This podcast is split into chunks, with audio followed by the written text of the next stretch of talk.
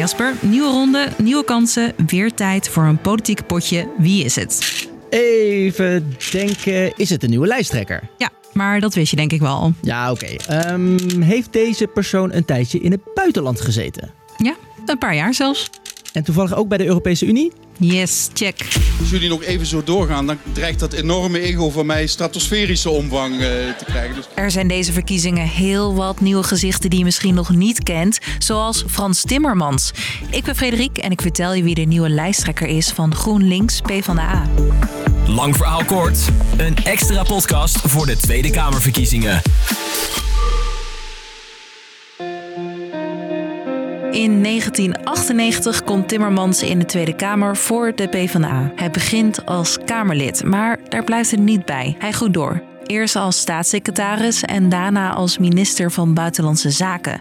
Als buitenlandminister reist Timmermans de wereld rond, zo ook naar vliegtuigramp MH17. Het Russische persbureau Interfax meldt dat er een passagiersvliegtuig is neergestort in het grensgebied van Rusland en Oekraïne. Na die ramp houdt hij namens Nederland een speech bij de VN. Husbands and wives, fathers and mothers, just imagine that you first get the news that your husband was killed. Niet lang daarna neemt Timmermans afscheid van de politiek in Den Haag. En wij wensen hem veel succes.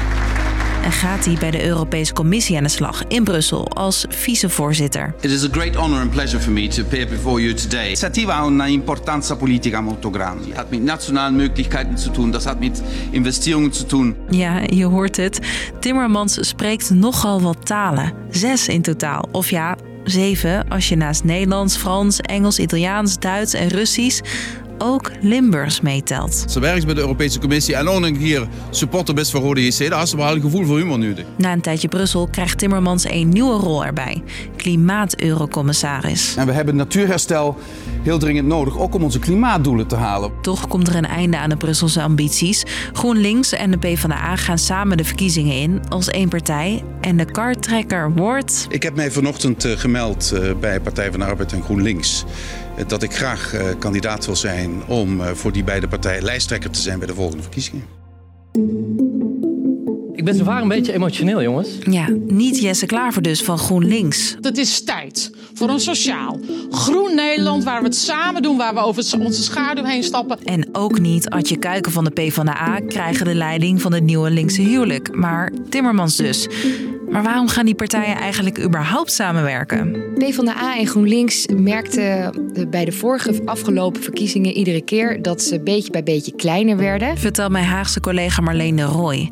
Niet gek zo'n samenwerking, ze hebben best wel wat gemeen. Nou, beide partijen hebben in beginsel uh, willen ze dat er minder groot verschil in Nederland is tussen mensen die rijk zijn en arm zijn in Nederland. Ook hebben ze allebei grote klimaatambities en een gedeelde politieke droom. En door samen te werken bundelen we krachten en kunnen we het mogelijk maken dat voor het eerst sinds 30 jaar er weer een uh, linkse premier in het, uh, in het torentje komt. Het plan samen de macht pakken.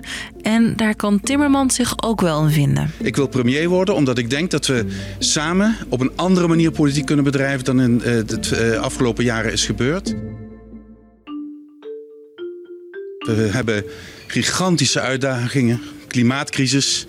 De natuur staat er niet goed voor. Het zal je niet verrassen, maar deze verkiezingen komen er vooral veel sociale en groene plannen uit de koker van de twee partijen. Ze richten zich dus op klimaat, op bestaanszekerheid, net als veel andere partijen. Ja, bestaanszekerheid. Daar zetten wel meer partijen zich voor in. Bestaanszekerheid dreigt een containerbegrip te worden. Ja. Sommigen denken dat gaat alleen maar hoe hoog is het minimumloon of et cetera. Nee, zeker jonge mensen zijn onzeker of ze niet ja. weten of wel in staat zijn de klimaatcrisis aan te pakken. Door onder meer gaswinning te stoppen en meer schoon energie op te wekken met zonnepanelen en windmolens willen ze de klimaatdoelen halen en klimaatstress verminderen. Nog een belangrijk thema voor de partij: wonen. Daar hebben ze echt een plan voor volkshuisvesting. Dus dat de overheid veel meer gaat meebepalen in waar er gebouwd wordt, voor wie die huizen zijn.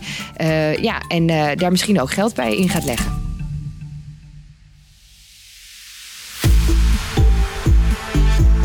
Dus, lang verhaal kort. Frans Timmermans is deze verkiezingen de lijsttrekker van GroenLinks PvdA. Ze willen allebei de verschillen tussen arm en rijk kleiner maken en hebben grootse klimaatplannen. En met Timmermans willen ze voor het eerst sinds tijden weer een linkse premier in het torentje. Was de verkiezingspodcast voor vandaag, maar er komen er veel meer. Morgen om 12 uur staat er weer eentje online. Doei!